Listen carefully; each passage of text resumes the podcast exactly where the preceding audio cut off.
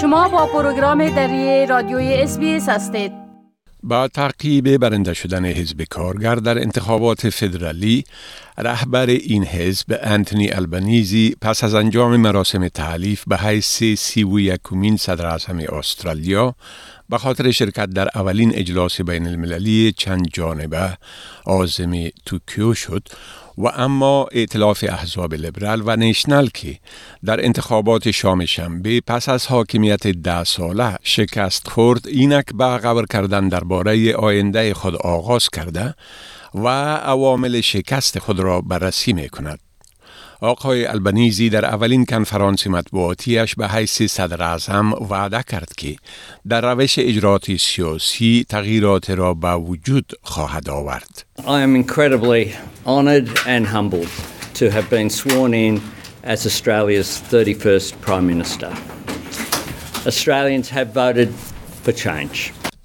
او در حالی که در مقابل بیرق استرالیا همراه با بیرق های مردم ابروجینال و ساکنین جزایر تور استریت ایستاده بود تصریح کرد که این تعهدش را که موجودیت آواز مردم بومی در پارلمان در قانون اساسی ثبت شود برآورده خواهد ساخت. We will establish a National Anti-Corruption Commission. I've asked uh, for uh, that work to begin uh, already. And we will, of course, be advancing the need to have constitutional recognition of First Nations people, including a voice to Parliament. پیش از این انتونی البنیزی با اعضای عمده تیم خود به شمول معاون او ریچارد مالز، پنی وانگ وزیر امور خارجه، جیم چالمرز وزیر امور خزانه و کیتی گالگر وزیر مالیه سوگند یاد کرد.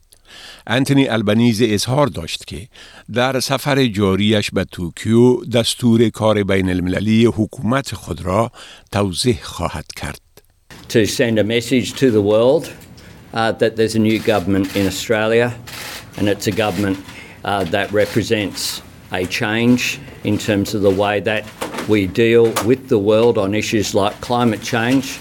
اما برای رهبری که وعده پایان جنگ ها بر اقدامات در مورد تغییر اقلیم را داده ممکن هنوز هم مقاومت در این رابطه موجود باشد. بارنبی جایس معاون سابق صدر اعظم و رهبر حزب نیشنلز می گوید حمایت از تعهدات برای رساندن میزان انتشار گازات به صفر تا سال 2050 که توسط ائتلاف در سال گذشته ابراز شد اکنون ممکن از جانب حزب او مورد تجدید نظر قرار گیرد.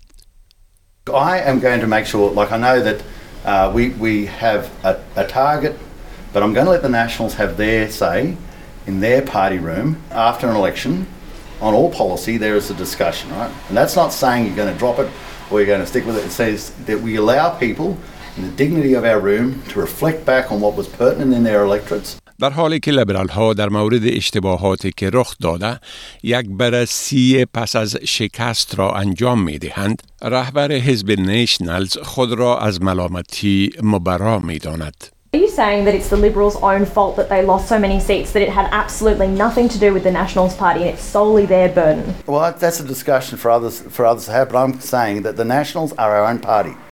کاندیدان مستقل به اصطلاح تیل که چندین لیبرال میان رو را سرنگون کردند مبارزه انتخاباتیشان بر یک پلتفرم اقدام در مورد اقلیم متمرکز بود مت کین وزیر امور خزانه ایالت نیو ساوت ویلز و لیبرال میانه رو به ای بی سی گفت که حزب لیبرال باید مسئولیت این نتیجه نامطلوب را خود عهدهدار شود.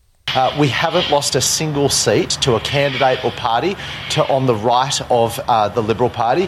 All the ca- or seats we lost uh, were to candidates that were advocating for stronger action on climate change, uh, advocating for stronger positions uh, when it comes to supporting women's equality. یکی از کرسی های را که کاندیدان مستقل به دست آوردند مربوط وزیر خزانه سابق جاش فرایدنبرگ بود که او شکست خود را دیروز پذیرفت و تایید کرد. این شکست شگاف وسیع را در جناح میان رو حزب لیبرال ایجاد کرده.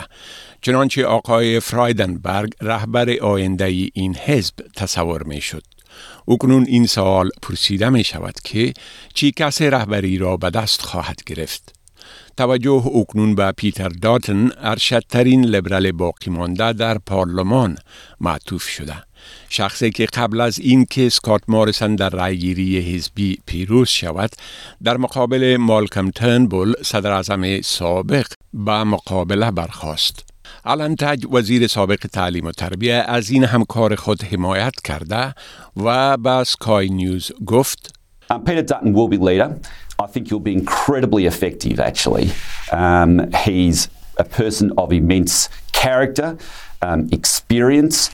شخص دیگری که نامش در ارتباط به انتخاب به مقام رهبری حزب لیبرال برده می شود کرن اندروز وزیر سابق امور داخله است که کاندید شدن به مقام رهبری را رد نکرده است. او هم به سکای نیوز گفت I'm interested in what role will allow me to add the most value to my party and the members of my party as well. So I'm going to consider my position over the next uh, day or so. حزب لیبرال در آینده نزدیک برای تصمیم گیری در مورد انتخاب رهبر حزب تشکیل جلسه خواهد داد. در حالی که شمارش آرا با رسیدن هزاران ورق رایدهی پستی هنوز ادامه دارد کمیسیون انتخابات استرالیا وانمود ساخته که حزب کارگر ممکن حکومت را با در اختیار داشتن اکثریت در پارلمان تشکیل دهد. نتایج چند کرسی تا هنوز روشن نشده است. انتونی البنیزی می‌گوید که بقیه اعضای کابینه او در هفته آینده تعیین شده و سوگند یاد خواهند کرد. گزارش را که شنیدید با کمک کریشانی دهانجی از SBS News تهیه شده بود.